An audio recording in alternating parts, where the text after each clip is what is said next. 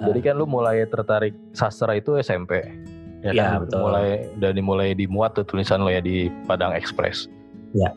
Nah, lu, lu kira-kira nih dari SMP sampai terakhir sekarang udah berapa cerpen? Kalau cerpen yang jadi apa yang ini nih yang yang penting nulis doang nih. Yang tersimpan, yang udah finish lagi. Kalau kalau gue sih nganggap tulisan gue yang di SMP terus SMA itu bukan cerpen sih ya, ya cuma cerita aja gitu kan. Karena Hmm. kalau ternyata setelah mengenal unsur-unsur intrinsiknya itu ya masih banyak kurangnya lah untuk disebut cerpen gitu. Oke, berarti gue nganggap yang SMP itu kalau cerpen mungkin kurang lebih gue udah sekitar ada 20 kurang lebih ya 20 Hmm, itu yang di di publish Enggak, enggak semua dipublish. enggak ya? Kalau gue sih kan ada dua tipe penulis sebenarnya ya. Yang pertama itu yang yang hobi publikasi.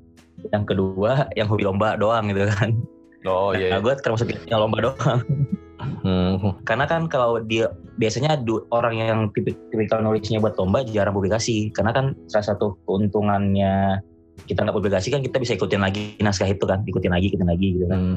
Ya, tapi kalau udah publikasi mau nggak harus bikin baru. Kan biasanya syarat lomba dilarang atau di apa ya, biasanya syaratnya itu tidak pernah dipublikasikan gitu. Eh, Hmm. nah lu sekarang kan mulai ke media apa sih namanya Wattpad ya? Iya sejenis Wattpad, cuma ini buatan Indonesia asli, Sorial.co. Storyal.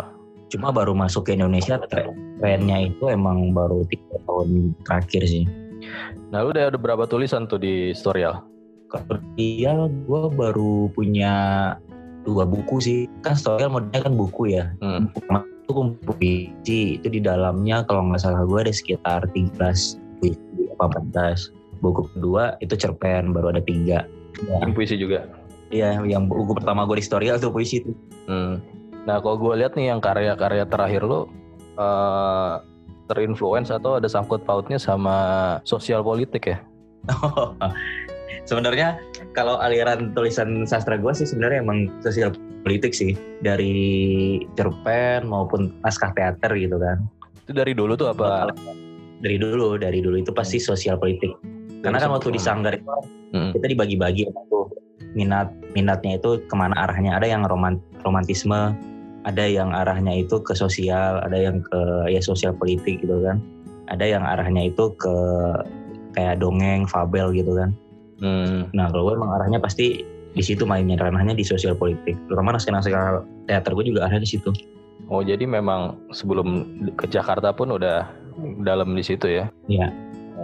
Lalu ketika ke Jakarta nih, semakin dekat dengan pusat perpolitikan, ada rasanya gimana? Maksudnya merasa semakin Ngerasa- banyak inspirasi atau semakin pusing? Malah jadi terbawa pikiran. kalau dampaknya ke Jakarta kan pa- pasti circle-nya lebih lebih dalam gitu kan, lebih dekat ke pusatnya. Mungkin pengaruh di gua jadi lebih ini aja, lebih live aja gitu ngelihat ngelihat fenomenanya gitu kan. Kalau di Padang dulu kan nggak begitu. Makanya waktu di di Padang pasti tulisan gue tuh lebih condong ke sosial doang gitu kan. Hmm. tentang kaya miskin tentang apa eh, apa hidup terus eh, bagaimana orang ke orang gitu kan. Tapi begitu udah di Jakarta condong politiknya makin kuat. Iya, sosialnya pun semakin spesifik ya, iya begitu sih benar. Semakin banyak ininya ya variasi sosial di Jakarta ya.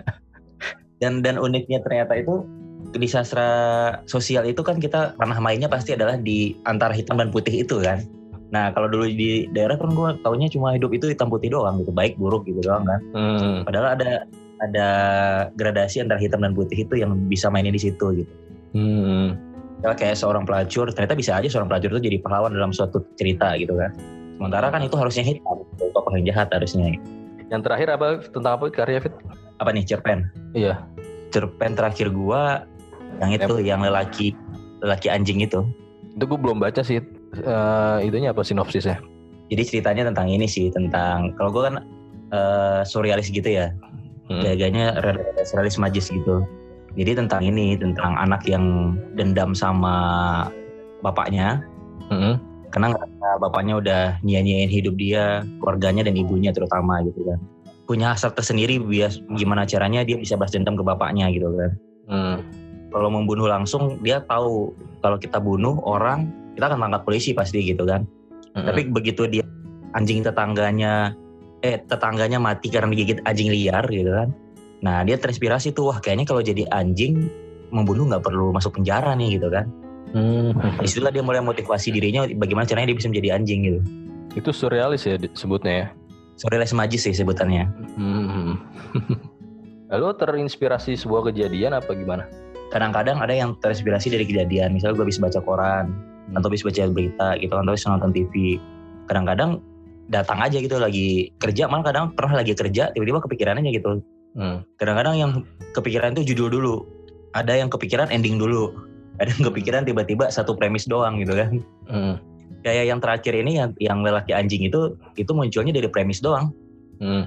dari yang mana tuh inspirasinya kan kalau yang sebelumnya tuh yang celana dalam antivirus hmm. oh iya itu kan dari fenomena kan kejadian sekarang ya. kan? ya kalau itu satir doang ya kan kalau yang yang cerpen ini dapat selentingannya dari ini gue baca sebaik puisi di mana ada kata-katanya rongga dada ibu gitu kan. Nah makanya muncul muncul kalimat pertama di cerpen gue itu itu. Premisnya? Premisnya adalah seorang tokoh gue ini yakin dan percaya bahwa dalam tubuh ibunya ada sebuah ruang khusus dan bilik khusus yang mana bilik itu sempat ditempati oleh bapaknya gitu. Hmm, hmm. Bisa berkembang lah. Nah berkembang lah, betul ngalir lah tiba-tiba ya gimana caranya ngebunuh bapaknya ini kan. Nah di sekitar rumah gue ini kan ada yang merah anjing tuh. Mm. Jadi kalau gue nulis di atas tuh biasanya di di ada di sini kan ada ini ya ada kayak tempat kelas rumah. Nah kalau gue nulis di situ dengar dengar suara anjing itu kepikiran oh, jadi anjing aja ini tokoh gitu. Jadi lu nggak nggak nggak ada formula khusus ya, misalnya dari judul dulu atau dari ending dulu atau dari ending dulu.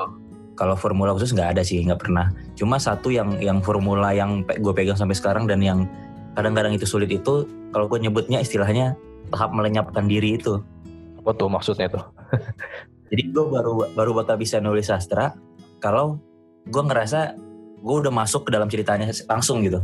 Hmm. jadi bukan bukan karena mungkin aliran bukan realis ya jadi nggak bisa dalam kondisi normal normal biasa gini terus nulis gitu nggak bisa. Berarti lu masukin emosi lu juga gitu? Kalau emosi harus dibatasin karena kan nggak boleh itu masukin emosi kita di saat nulis gitu kan.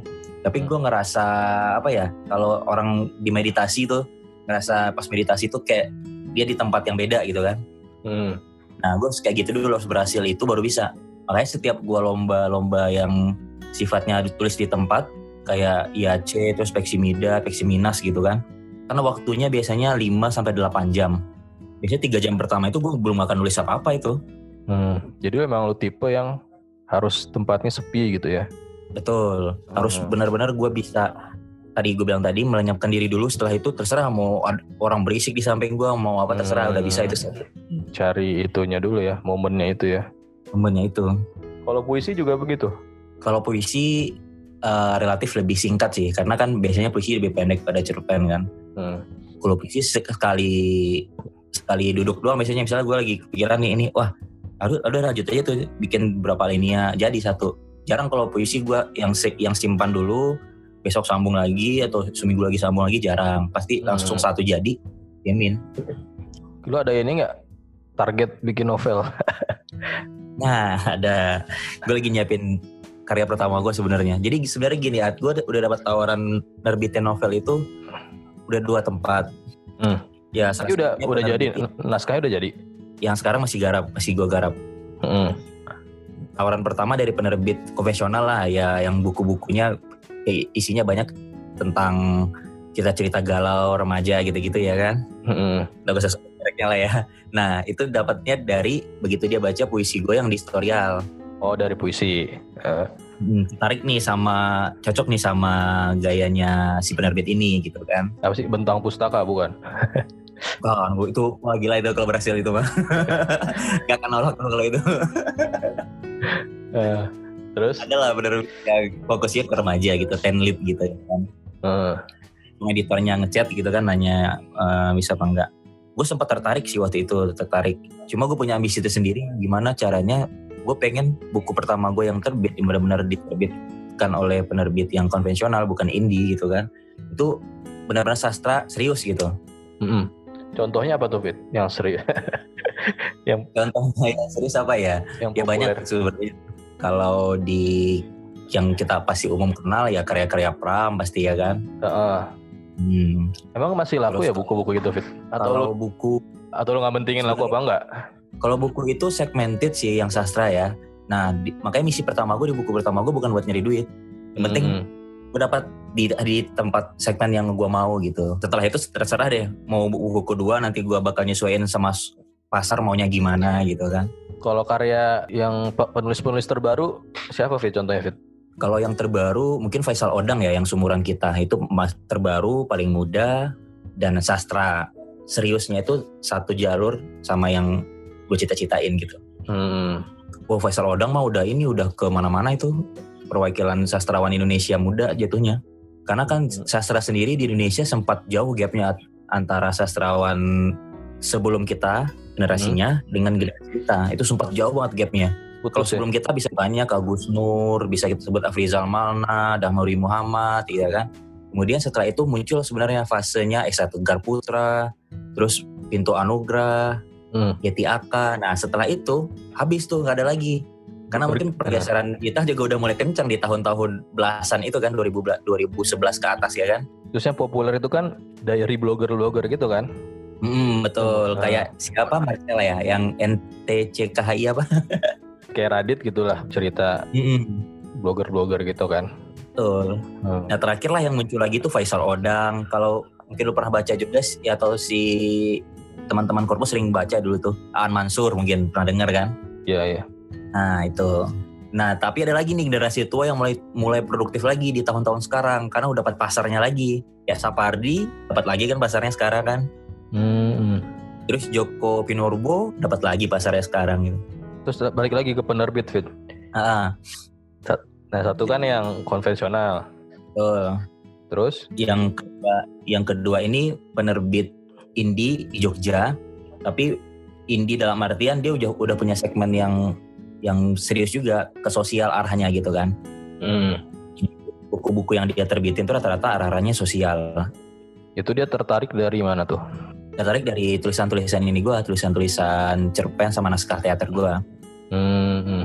kebanyakan sih dua-duanya itu rekomendasi teman sih ya. kalau yang pertama itu rekomendasi dari teman teman nulis juga yang kedua ini rekomendasi dari teman-teman komunitas teater Hmm, hmm.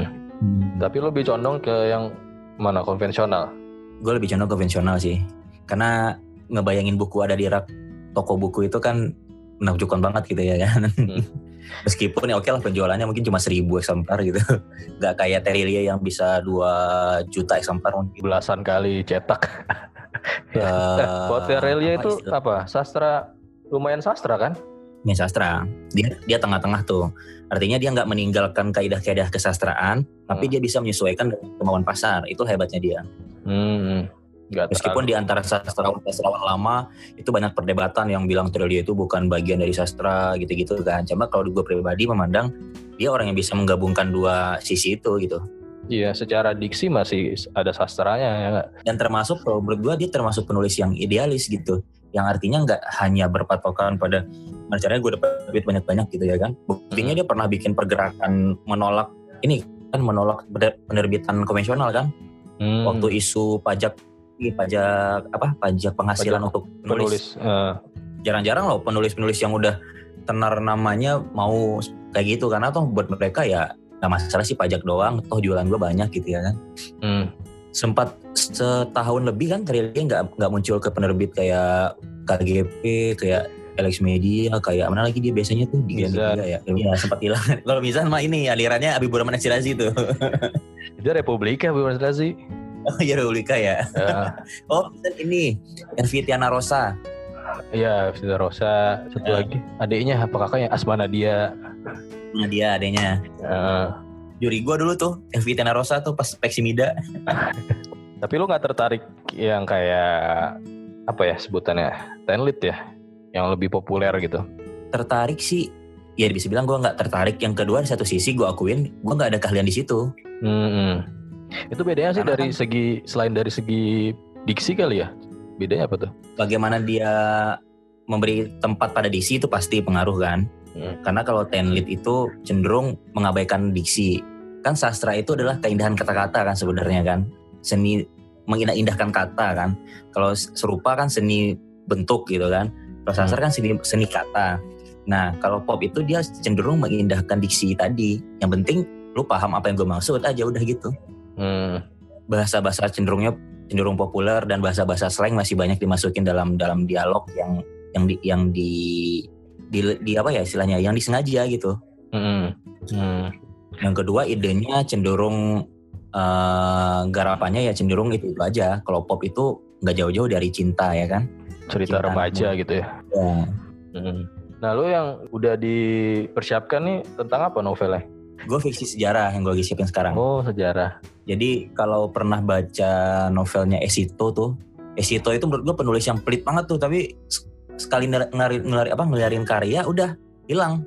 Padahal karyanya jarang-jarang ada di Indonesia yang alirannya seperti itu gitu. Yang nulis fiksi sejarah kan jarang banget di Indonesia.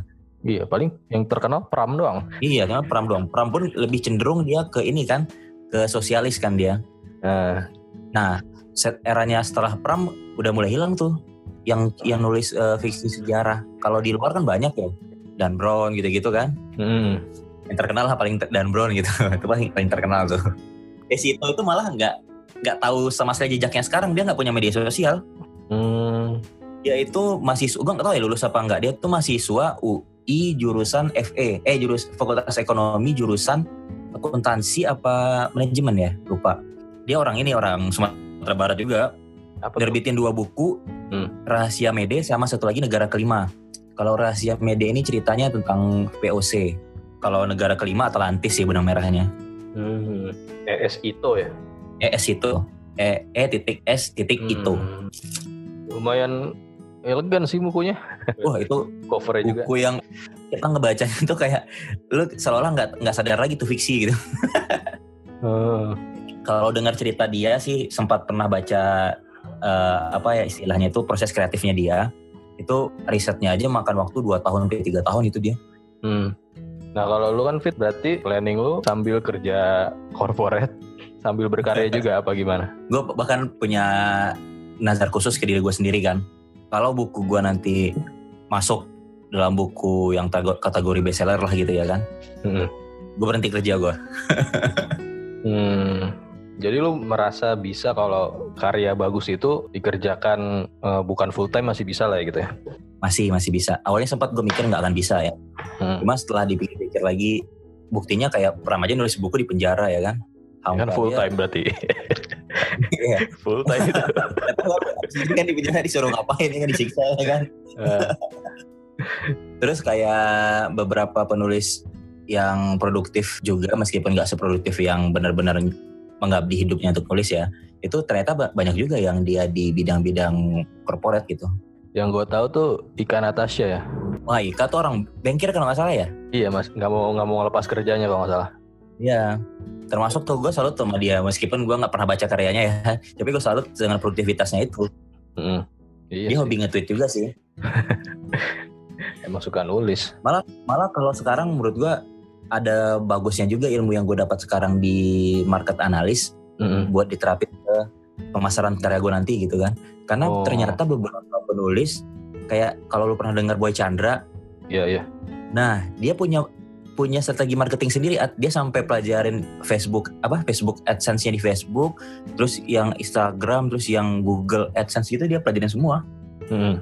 Bahkan ada salah satu penulis juga ngebayar ini, ngebayar orang Market- buat ngerjain sih. Marketingnya. Iya. Tapi kan kalau lu pakai kalau lu pakai penerbit, ya tugasnya penerbit kan. Bagaimana? Betul, tugasnya penerbit. Cuma kita harus ini juga harus pintar juga. Karena kalau enggak kan penerbit sendiri kan bisa dibilang mereka udah punya apa ya penulis kesayangan lah gitu, ya kan? Hmm. Kalau selagi lu belum penulis kesayangan, ya mungkin lu akan jadi prioritas kesekian gitu ya kan? bagi penerbit karya lu bagus atau enggak itu faktornya penjualan ya.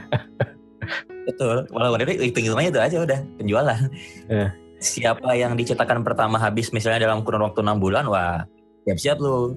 Mulai dicatat tuh nama lu ya kan, disiapin Hmm. nanti tur ke mana, tur ke mana gitu ya. Nah kalau lu mulai belajar marketingnya juga, nggak ada niatan nerbitin sendiri. pengen sih nerbitin sendiri coba tadi yang gue bilang itu kalau nerbitin sendiri mungkin bisa orientasi di bisnisnya lebih bagus ketimbang konvensional kan Mm-mm. cuma nggak muncul di toko buku susah banget kayaknya nembus toko buku Ada pro tersendiri lah ya, yang lu penasaran gitu. betul setelah itu gue akan nulis bebas Mm-mm. Rencana apa Fit yang pertama ini? makanya nih gue belum belum belum kelar kelar juga nih sempat putus nyambung lagi putus nyambung lagi gitu kan. Hmm. mungkin butuh butuh ini kali sebenarnya butuh butuh mentornya kali yang benar-benar yang apa ya yang bisa ngawal terus. Karena kan nulis itu ada napas pendek napas panjang ya kan. Nulis nulis novel itu kan napas panjang harusnya. Harus benar-benar betah sama cerita itu. Karena kan godaannya kita kalau nulis ini belum kelar kepikiran ide lain wah nulis yang lain lagi gitu kan. Mm-mm.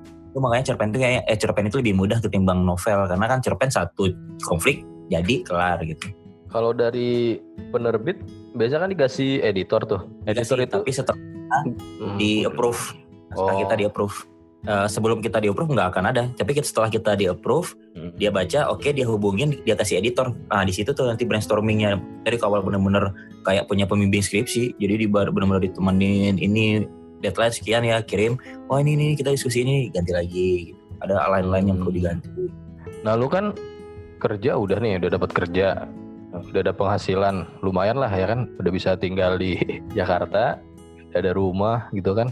Terus lu bilang sendiri kendalanya harus ada partner, sedangkan lu nggak ada partner. Nah, yang bikin motivasi lu masih bertahan apa? motivasi yang masih bikin gue bertahan itu satu aja sih karena gue pengen punya sesuatu yang bisa ditinggalin gitu ya kan Hmm. Yang kata-kata Pram itu ya. Iya, karena itu benar banget loh. Bener gue ngelihat kayaknya enak banget loh lu punya sesuatu yang dibahas terus menerus gitu. Bahkan sampai cucu lu nanti ngebahas itu di forum-forum temennya mungkin gitu kan. Sekarang kan gampang aja kalau kita punya duit nih, lu punya 100 juta misalnya. Hmm. Kalau alasan tadi misalnya cuma "Ya gimana caranya lu bisa ninggalin karya, lu bikin aja indie tuh jual-jual aja kan. Hmm. Biaya cetak paling berapa sih ya kan? Hmm. Nah, cuma kan nggak dapat apa ya, nggak dapat pengakuannya itu yang gua nggak nggak nggak mau. Hmm. Tapi kalau udah penerbit konvensional berarti udah diakuin gitu kan. Hmm. Bisa dibilang cita-cita ya kali ya. Bisa dibilang ya salah satu bucket list gue lah. Hmm. Terus lo ininya apa? Me- mensiasatinya agar tetap berkarya? Apa karena lo ini aja kalau menulis lo merasa refresh gitu? Atau malah mikir kan malah mikir ya kalau nulis malah capek. Iya, malah, malah mikir terus tiba-tiba bahas kerjaannya ya apa ya sempat blank gitu kan. Eh. Yang pertama sih pasti karena kayak lu ngerasa ini gua banget nih gitu ya kan. Hmm. Nah kesempatan untuk menjadi diri sendiri lah ibaratnya dengan nulis itu. Karena sekarang kita tanya aja sebagus-bagusnya kerja orang di korporat sebesar-besar gajinya, gua nggak yakin dia benar-benar bahagia sama kerjaannya itu gitu. Hmm. orang mempertahankan karirnya di korporat paling cuma alasannya satu doang, alasan finansial doang gitu kan. Tapi ada yang membuat dia menjadi dirinya sendiri macam-macam ya dia masak misalnya di rumah gitu kan, kalau hobi masak gitu. Atau dia memotret mungkin gitu kan. Hmm. Nah di kalau di gua di situ dapat kepuasannya tuh di nulis itu. Oh, ada kepuasannya yang lo dapet ya. Iya, ber- kayak ini kayak hormon apa sih istilahnya yang kalau kita buat muncul bahagia itu endorfin apa sih? Endorfin ya. Nah, itu muncul setelah nulis gitu. Apalagi berhasil dipublish ya kan. ya itu nilai bonusnya lah berhasil dipublish, dapat dapat apa? Dapat Feedback. feedback dari orang-orang. Hmm. Nah, lu kan pernah mengalami fase itulah ya, merasa ah gue mau mengikuti passion gue gitu menulis. Terus ada fase lagi karena lu kebutuhan kebutuhan hidup lah ya, nggak masalah juga misalnya kerja di korporat lu ada fase itu kan. Bahkan lu sampai fase sekarang dibilang serius lah di korporat ya kan, ada ambisi-ambisi tertentu gitu. Kalau bicara fase, kalau gua nge- ngebaratin itu fase itu tiga ya sebenarnya fase itu. Hmm. Fase kita pertama fase kita mencari gitu ya kan, mencari ya mungkin kita pas remaja lah kita pasti mencari kan mau cobain ini cobain itu ya kan. Setelah fase kita mencari, terus kita menemukan dan mengenal gitu kan. Tahap mengenal itu kita oh ternyata begini, begini. Itu yang kita rasain pas kuliah kan di awal-awal kita 20-an lah, eh, 21, 22 gitu kan. Itulah pas zaman-zaman gua lagi aktif-aktifnya nulis, aktif di korpus, aktif di pers apa persma, aktif di forum-forum sastra gitu kan. Hmm. Termasuk sampai sempat kerja di beberapa media itu tadi yang kemarin kita bahas ya kan. Nah di situ gue mengenal lah, mengenal, oh ternyata ini yang yang yang yang selama ini gue cari-cari itu gitu.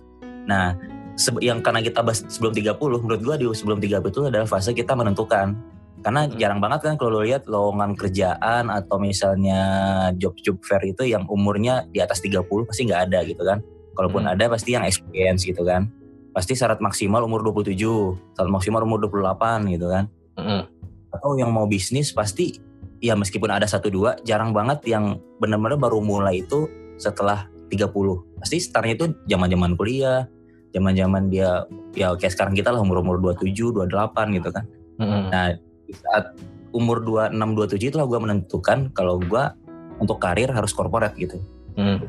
Nah ada fase lagi nggak setelah itu? Gak ada lagi sih menurut gue. Tinggal damai sama ini aja, sama hidup aja. hmm, berarti udah yakin lo di korporat? Maksudnya meniti karir di korporat? Kalau meniti karir di korporat udah yakin. Cuma untuk apakah akan bertahan sampai pensiun di tempat yang sekarang mungkin enggak ya. Hmm. Karena ya gue pengen juga lah selagi ada kesempatan loncat karirnya apa salahnya diambil gitu kan mau nanti di luar tempat yang sekarang ya gak hmm. masalah hmm. gitu tapi untuk karirnya lurus di corporate udah udah mantap sih berarti tadi Nazar lu itu gimana kalau bestseller itu kan beda, beda kasus dia tuh. Kalau kasus-kasus doang itu kalau bestseller udah. pindah perusahaan apa berhenti? Pindah perusahaan berhenti. Eh kalau misalnya bestseller udah berhenti gua. Hmm, terus merenung lagi ya? Berhenti kerja dan ya udah nulis aja udah. Oke okay, oke. Okay. hmm. Itu inilah apa istilahnya? Challenge buat diri sendiri aja kan. Berarti lu masih menyimpan asa itulah ya?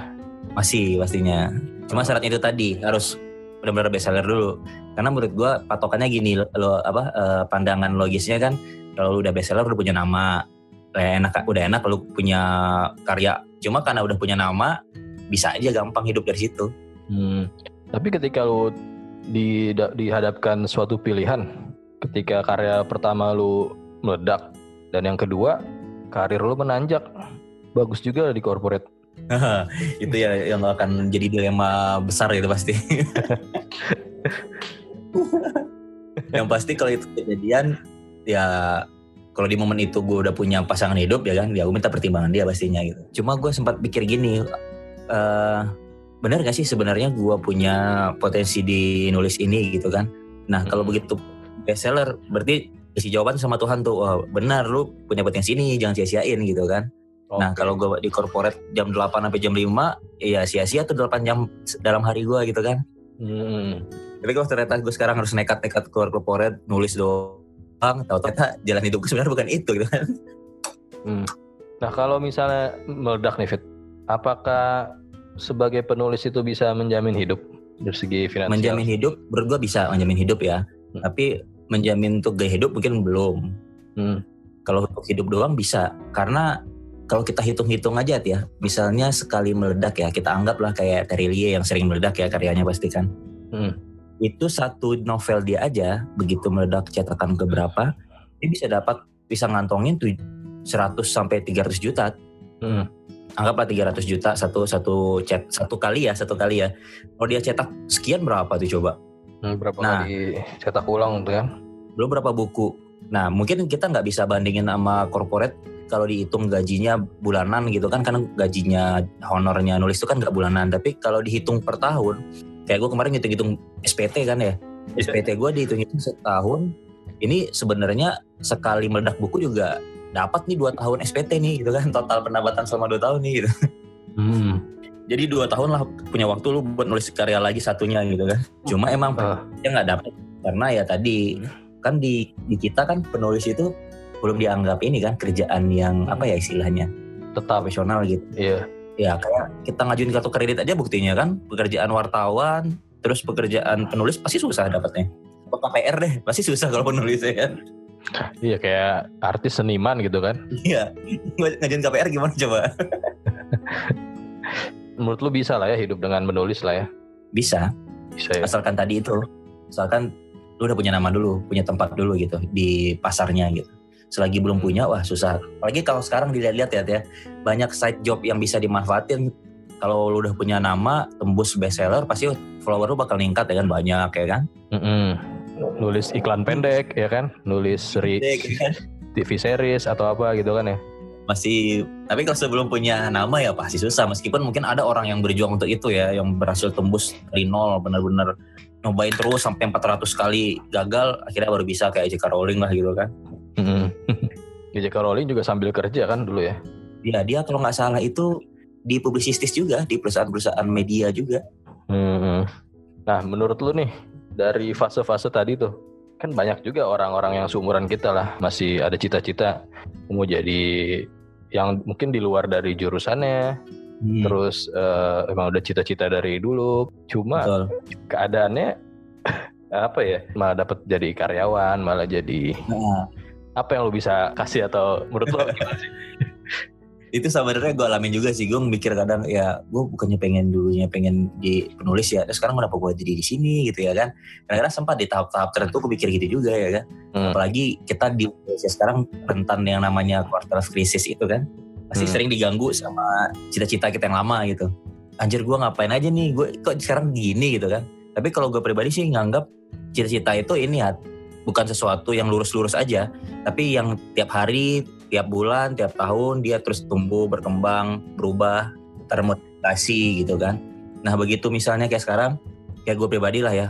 Mungkin orang-orang lain mungkin punya triknya tersendiri. Kayak gue misalnya eh sekarang gue tiba-tiba udah di corporate aja nih gitu kan. Ya udah cita-citanya gue modif dulu nih. Gue modif gue gimana caranya di corporate bisa cepet nih naik jabatan gitu. Punya target nih wah gue lima tahun setara manajer tiga eh, tiga tahun berikutnya gue naik lagi naik lagi gitu kan. Sampailah gue batasin cita-cita gue di umur 40 tahun pensiun dini. Nah kan bisa punya cita-cita baru seiring hari demi hari gitu ya kan. Misalnya tadinya gue pengen jadi penulis sekarang udah di corporate ya udah gue punya cita-cita baru di corporate tapi nggak mematikan cita-cita nulis tadi gitu. Meskipun dia dilakukan penyesuaian. Mungkin dulu ambisinya adalah benar-benar jadi penulis yang punya belasan karya. Kalau sekarang dimodifikasi ya udah cita-citanya penting gue punya satu buku itu sesuai dengan apa yang gue mau dan diakui oleh penerbit konvensional gitu jadi nggak nggak matiin cita-cita tapi juga nggak juga putus asa nganggap waduh gue udah gagal nih gitu kan ya gue anggap itu modifikasi dari cita-cita aja gitu Hmm. Mungkin eh, kalau anak-anak zaman sekarang kan pengennya hobi jadi pekerjaan gitu ya. Ya nggak sih? Nah itulah yang kita zaman zaman kuliah sering diiming-imingin ya kan sama motivator lah sama quote quotes lucu quote quotes inilah ya kan bahwa kerjaan yang menyenangkan adalah hobi yang dibayar gitu ya kan Padahal dalam kenyataannya ketika hobi jadi pekerjaan malah bosen juga, suntuk juga. iya benar karena kan kita sendiri bicara bicara hobi itu kan secara nggak langsung sebenarnya kita apa yang kita bisa kita anggap puas untuk diri kita sendiri gitu kan belum tentu pas orang lain gitu kan Iya. Dikerjakan Nah, sesuai kan- mood kita, ya kan? di dunia kerja kan kita dituntut dengan bagaimana apa yang kita buat itu sesuai dengan apa yang dimau oleh perusahaan. Yang mana di dalam perusahaan banyak orang. Nggak mungkin kita bisa bicara hobi lagi ya kan? Eh, iya. karena kan hobi sendiri itu kan abstrak sebenarnya ya. Cuma Iya. kayak kita bicara cinta benci itu kan abstrak ya. Kalimat-kalimat abstrak gitu kan. Apa sih hobi itu sebenarnya gitu kan? Yang Hmm. orang anggap kan selama ini dia bahagia ngerjainnya gitu kan sesuai moodnya dia gitu kan. Sementara kan kalau kita bicara kerja ada feedback kita ngasih sesuatu kita dibayar dengan sesuatu gitu kan kan nggak mungkin kita hobi terus kita digaji juga juga karena or- hobinya orang gitu kan orang lainnya lagi nggak hobi gaji kan gaji gitu kan Iya, iya. nggak mungkin ya Eh, dibayar pujian doang. kan enggak ya? sekarang coba deh orang yang hobi fotografi aja misalnya nih apakah benar-benar kerja di fotografi itu sesuai dengan hobinya belum tentu ya kan anggap Iya. nih dia hobinya foto alar ternyata kerja dapatnya bagian foto model apa bosan tuh ya kan Hmm. ngefotoin orang mulu ekspresi orang mulu ya kan. Jadi lu gimana? Pasti percaya nggak kalau kerja sesuai passion itu? Atau gimana ya bilangnya? kalau gue sih kalau gue sih udah nggak ini ya nggak nggak nggak setuju lagi dengan kalimat dia kita yang penting kita kerja di mana kita bisa setidaknya berdamai buat buat nikmatin kerjaan itu gitu Hmm. kan ada ya orang yang kerja stres mulu kan Iya. Heeh. stres mulu atau yang kayaknya nggur, apa ngurutu mulu gitu ya kan. Di kantor ngurutu gini amat nih gini, gini. Terus di luar ngurutu lagi ya kan. Nah menurut gue itu yang yang salah. Yang mending lu cabut dari situ. Hmm. bukan harus bukan harus sesuai passion. Karena passion tadi abstrak. Ya kerja aja di mana yang lu nggak punya alasan lagi tuh kayak misalnya di Marian Bos lu masih bisa nerima oh ya wajar lah kayak gini gitu kan. Namanya juga kerja. Nah itu kan udah udah aman udah udah di tempat yang tepat sebenarnya gitu. Hmm. Jadi passion itu apa ya? malah bisa malah masuk fashion itu hawa nafsu kali ya. iya bener ya bener dipikir-pikir itu hawa nafsu sih bener kita doang gitu kan bahkan kita aja kalau mau buka bisnis ya bisa juga sesuai passion sesuai hobi doang gitu kan ujung-ujungnya kita punya klien kita harus ngikutin apa maunya dia ya kan Iya, harus berkompromi lagi akhirnya. kompromi lagi bener Hmm. Makanya orang-orang yang nggak bisa mungkin berdamai dengan diri sendiri itulah yang akhirnya memutuskan untuk benar-benar indie seumur hidup menurut gua karena kan kalau kita kenal beberapa seniman nggak cuma sastra lah ya ada yang pelukis ada yang komposer yang benar-benar nggak bisa berdamai bahwa tidak siap untuk bekerja dengan orang lain akhirnya ya udah dia mentok di melakukan apa yang dia senang aja Hmm. bisa dibilang akhirnya dia nggak punya yang namanya karir ya tapi Hmm. selagi dia bahagia ya ya udah nggak apa-apa tapi kan di satu sisi kita kan nggak bisa egois juga sebagai manusia tunggal gitu kan oh kita punya keluarga Hmm. apalagi udah punya anak udah punya nanti punya istri minimal punya orang tua lah yang masa iya kita hidup mungkin kita sendiri bisa kali makan sehari sekali sehari doang terus nonton pertunjukan besoknya tidur nonton pertunjukan lagi tapi pertanggungjawaban kita ke orang tua gimana gitu kan atau ke keluarga gitu kan Hmm. Berarti motivasi tertinggi itu bukan fashion ya, adalah tanggung jawab. Iya, bisa bilang begitu. Karena yang paling susah itu akhirnya itu kan, bertanggung jawab kan. iya sih. Tanggung jawab itu yang susah. Nah lu nih, eh, udah ngebayangin belum umur 30 lagi ngapain atau sudah meledakkan novelnya atau gimana? Kalau kalau di target di umur gitu, gue lebih lebih kepada karir sih. Kalau untuk tadi tulisan, ya pasti gue punya target gimana caranya sebelum gue tua-tua amat jadilah tuh karya gitu kan. Hmm. Ya kalau bisa dibilang mungkin umur-umur 30-an paling tepat gitu. Nah, tapi kalau di karir sendiri, ya gue udah punya cita-cita gue mau pensiun muda di umur 40. Hmm. Nah, gimana caranya bisa punya apa punya kesempatan pensiun di umur 40 ya pasti punya aset kan. Nah, itu yang pengen gue bangun sekarang, pengen bangun aset Hmm. umur 3 persiapan 30 ini. Hmm. Berarti mulai investasi-investasi lo ya?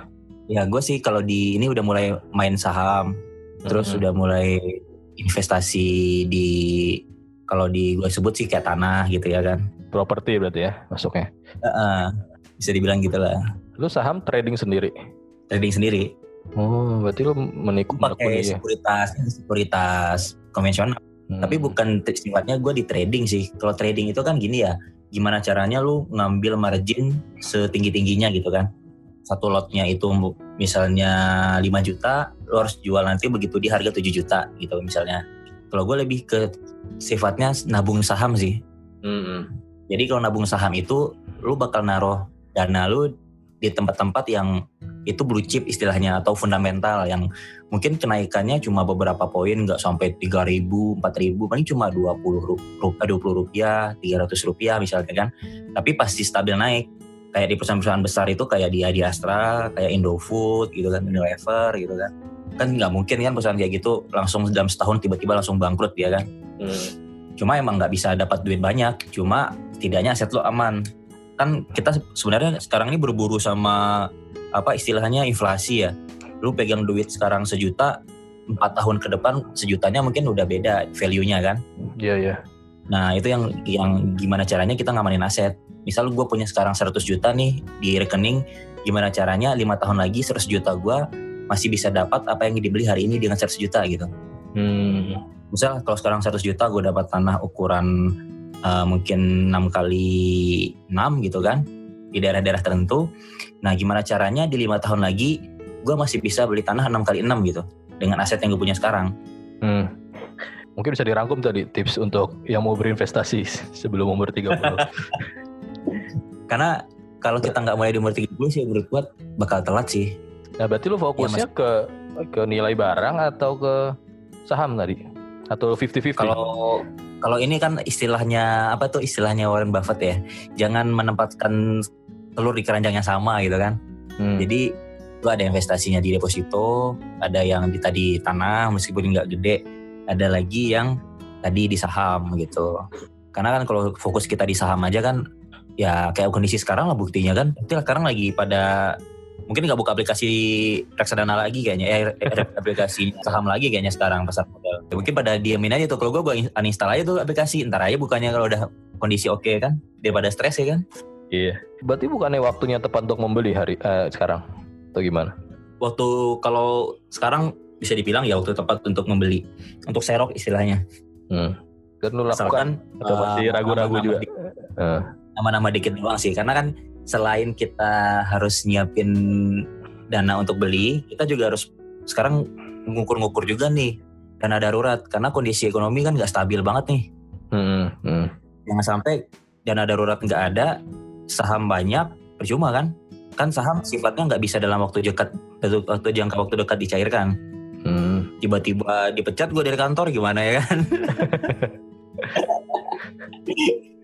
Iya udah, udah marak nih PHK ya. Iya, sebagian sudah pintar nyiapin dana darurat lah gitu. Jadi selagi dana darurat aman, nggak apa-apa. Hmm. Tapi kalau ada lebih-lebih, ya beli itu sekarang lagi mumpung masih murah banget ya kan. Yang enak itu kalau emas sih kemarin sempat nabung emas wah untung banget sekarang orang-orang pas itu. Sebelum corona tuh cuma 698 ya, 700 lah kita anggap. Sekarang kan 800 kan. Hmm, lumayan. Iya. Makanya hukumnya kapitalis gitu banget ya, yang kaya makin kaya ya kan. lu punya duit se-M beli emas di tiga bulan lalu sekarang jual udah bisa jadi mungkin lu punya sekarang satu setengah M gitu kan? Iya. Oh iya lu mau nikah rencana bulan apa gitu rencana Juni. Gue kemarin daftar di KUA tuh tanggal 7 7 Juni. Hmm. Hmm. terus sekarang gimana jadi rencananya?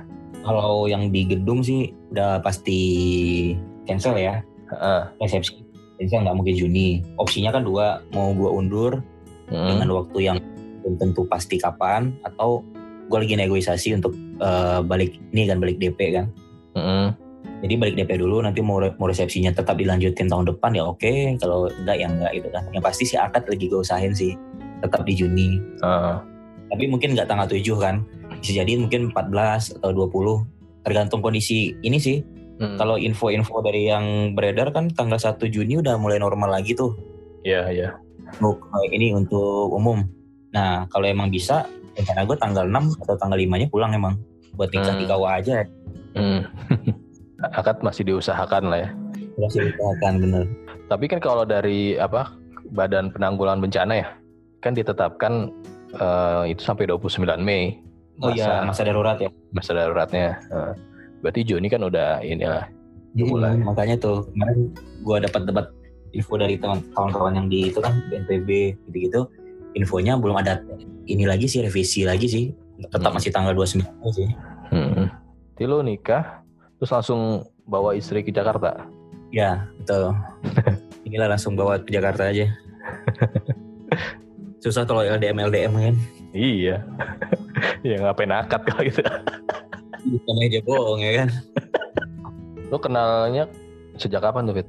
Kenal dari sekolah sih pas zaman zaman SMP SMA. Cuma baru komunikasi lagi tuh pas ujung-ujung kuliah tuh tahun-tahun keempat. Satu sekolah? Satu sekolah pas SMP. Hmm. Nah lu mulai memutuskan siap menikah tuh apa pertimbangannya? Yang paling paling gede pertimbangannya pasti keluarga kan ya. Eh. keluarga yang ber jadi gue anak pertama ya kan alasan yang pertama alasan yang kedua yang bikin gue yakin itu gue ngelihat kayaknya hidup gue bakal lebih berubah setelah menikah dibandingin gak menikahnya gitu hmm. lu niat nikah dulu baru cari pasangan apa udah deket dulu nah, udah dekat dulu terus hmm. keluarga udah kenal gitu kan hmm. dan rasa rasanya nggak ada alasan buat buat nggak serius gitu. Berarti salah satu faktor juga dia sebagai ya, lo menentukan untuk menikah. Oh, dia juga. Jadi lo mungkin ada pesan-pesan nggak buat yang dengerin nih yang menuju 30 yang lagi tadi masih galau pekerjaan. Nah, kalau gue sih paling itu tadi. Nah. Ya menuju 30 menurut gue bukan saatnya lagi kita galau-galau ala-ala umur 20 awal ya kan. Karena di momen ini terutama yang udah benar-benar setahun lagi atau dua tahun lagi 30 itu udah benar-benar dituntut dia harus nentuin hidupnya mau kayak mau kayak gimana gitu. Jadi apa yang nanti dia lihat di umur dia 40 50 apa yang dia tentuin sekarang. Karena lihat aja buktinya di karir atau memang kalau mau bisnis gitu kan kalau nggak dimulai di umur umur ini nggak yakin di umur umur ini pasti bakal susah ke depannya gitu hmm. Meskipun ada ya motivator-motivator yang bilang wah KFC aja mulai bisnis di umur 70 ya 60 gitu kan. Nah tapi itu kan satu dari sekian juta orang ya kan. Hmm. dan bisa jadi pun dia udah menetapkannya sebelum 30 bisa jadi ya kan. Cuma baru meledaknya mungkin di umur dia 60 apa jadinya kalau dia ternyata di umur 30 nggak netapin misal? Dan meledak di umur 60 kita mau nikmatin apa coba? Iya, benar. Benar. Terus yang kedua itu punya target punya target ini sih hidup sih. Kalau Hmm. gue sendiri di yang di corporate, gue punya target mana caranya bisa pensiun sebelum umur pensiun sebenarnya. Kan umur pensiun 55 ya. Kayak lu bilang tadi lah, kalau kita udah umur 55, mau nikmatin apa coba ya kan? Hmm. Lu mau jalan-jalan udah encok, penyakit segala macam udah kambuh ya kan? Hmm. Sama tadi terkait terkait cita-cita menurut gua nggak ada salahnya untuk berdamai sih sama diri sendiri dan yakin bahwa cita-cita itu sesuatu yang harus terus berkembang gitu. Harus terus berimprovisasi. Oke bisa aja kan kita punya tiga cita-cita sekaligus. Mungkin punya cita-cita utama sebagai tadi sebagai koki misalnya ya kan. Tapi sekarang ternyata kita saya seorang bankir ya kan. Ya udah kita tambahin cita-cita yang kedua. Gimana caranya gue jadi bankir yang sukses gitu. Di umur 35 gue udah karir sekian. Di umur 40 gue bisa pensiun misalnya gitu kan. Bisa buka restoran gitu ya iya ujung-ujungnya punya modal lu kan bisa buka restoran. Hmm. karena kalau kita lihat iya cerita-cerita hidup orang kan lucu ya. Ada orang yang dia udah ngelupain eh, cita-cita jadi pemusik misalnya. Hmm. tapi yang namanya cita-cita nggak pernah mati tetap aja kan lu yakin lu bisa gitu kan.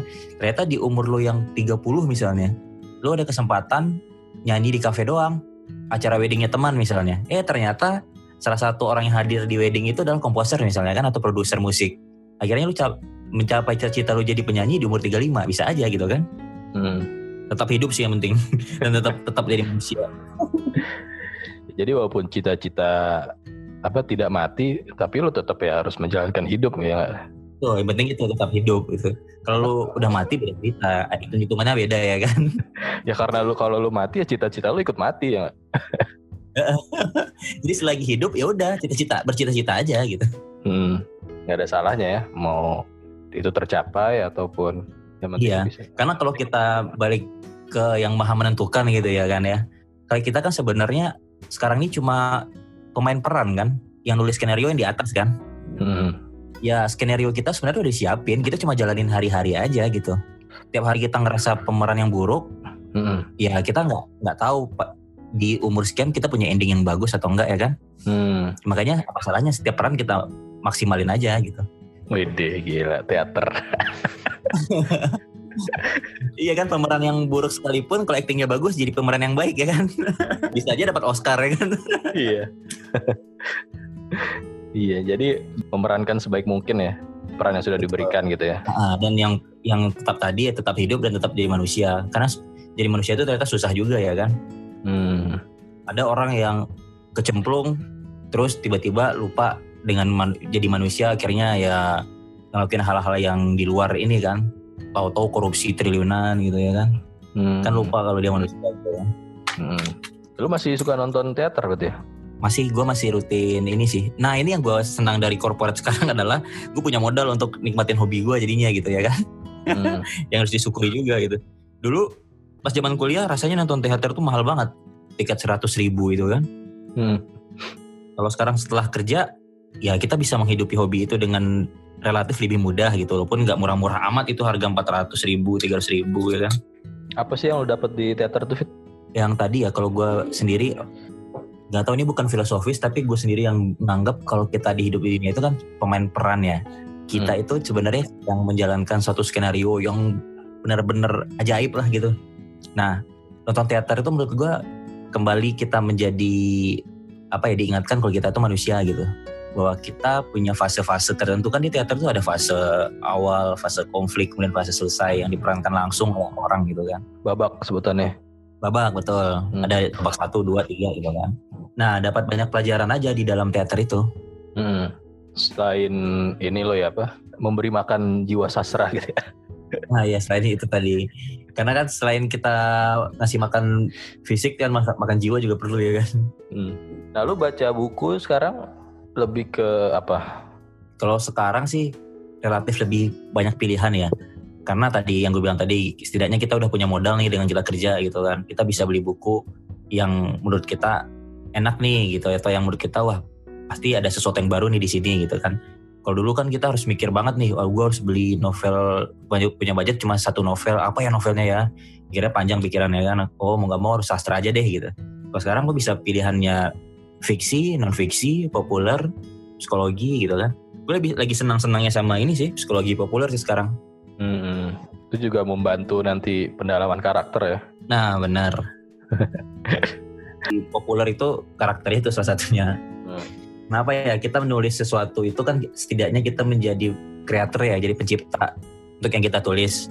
Nah kan akan jadi kosong banget kan kalau kita nggak paham sebenarnya yang kita tulis itu punya motivasi, punya kegetiran hidup dan lain-lainnya kan. Hmm. Akhirnya tokoh cowok ganteng, kaya raya, bis jago basket, punya segalanya gitu. Padahal hidup nggak sehitam putih itu kan. Iya, yeah. tawarin bikin podcast sastra apa psikologi populer pilih mana? Menurut gua bisa jalan bareng sih mereka itu. Karena sastra itu bicara manusia dalam bentuk psikologinya, bicara manusia dalam bentuk sosialnya, dan manusia dalam bentuk uh, spiritualnya ya kan. Hmm. Jarang pasti sastrawan yang nggak nggak tertarik dengan psikologi nggak mungkin. Itu dua hal yang berkaitan ya? Berkaitan betul. Jadi kapan kita bikinnya?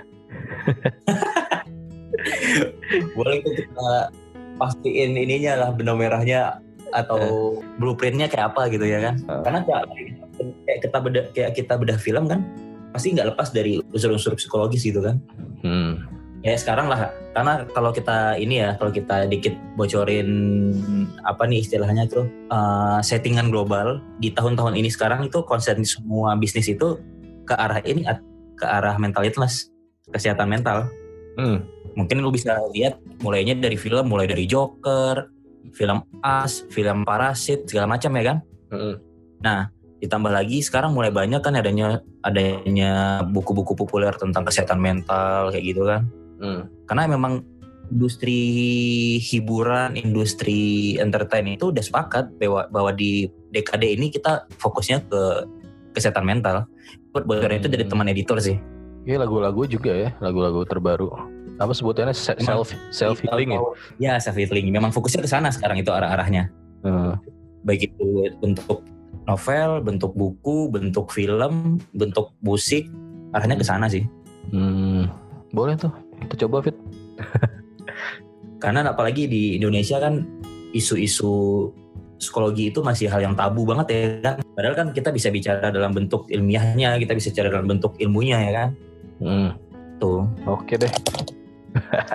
Cukup lah ya, apalagi nih?